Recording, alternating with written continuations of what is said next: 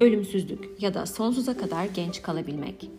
Hepimizin zaman zaman aklından geçirdiği ama mümkün olmadığına inandığı iki kavram. Ama günümüzün teknoloji devlerinin bu konu üzerinde yıllardır çalıştığını biliyor muydunuz? Google Ventures kurucusu Bill Maris kendisiyle 2015 yılında yapılan bir röportajda 500 yaşına kadar yaşamanın mümkün olduğuna inandığını söylemişti.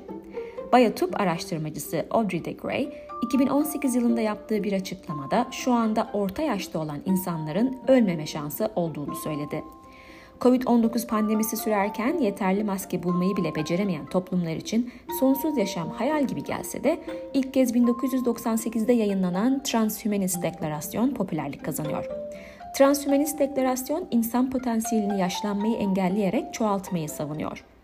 Bu yani kaçınılmaz sandığımız ölümü sadece ruhani olarak değil, fiziki olarak da engellemeyi öngörüyor.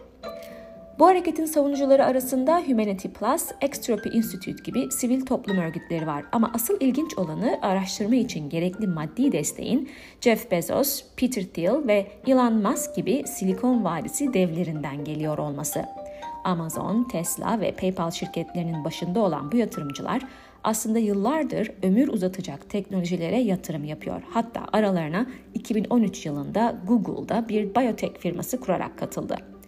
Transhümanistlerin öngördüğü teknolojik buluşların arasında insan hücrelerine yerleştirilerek hücrelere verilen zararı sürekli tamir edecek nanorobotlar, yaşlanmayı engelleyecek genetik mühendislik formülleri de var. Ve bu buluşlar artificial intelligence yani yapay zeka ile çok da uzak olmayan bir gelecekte mümkün. Ama şimdilik sosyal mesafeye dikkat ederek ve el yıkayarak yaşamaya devam.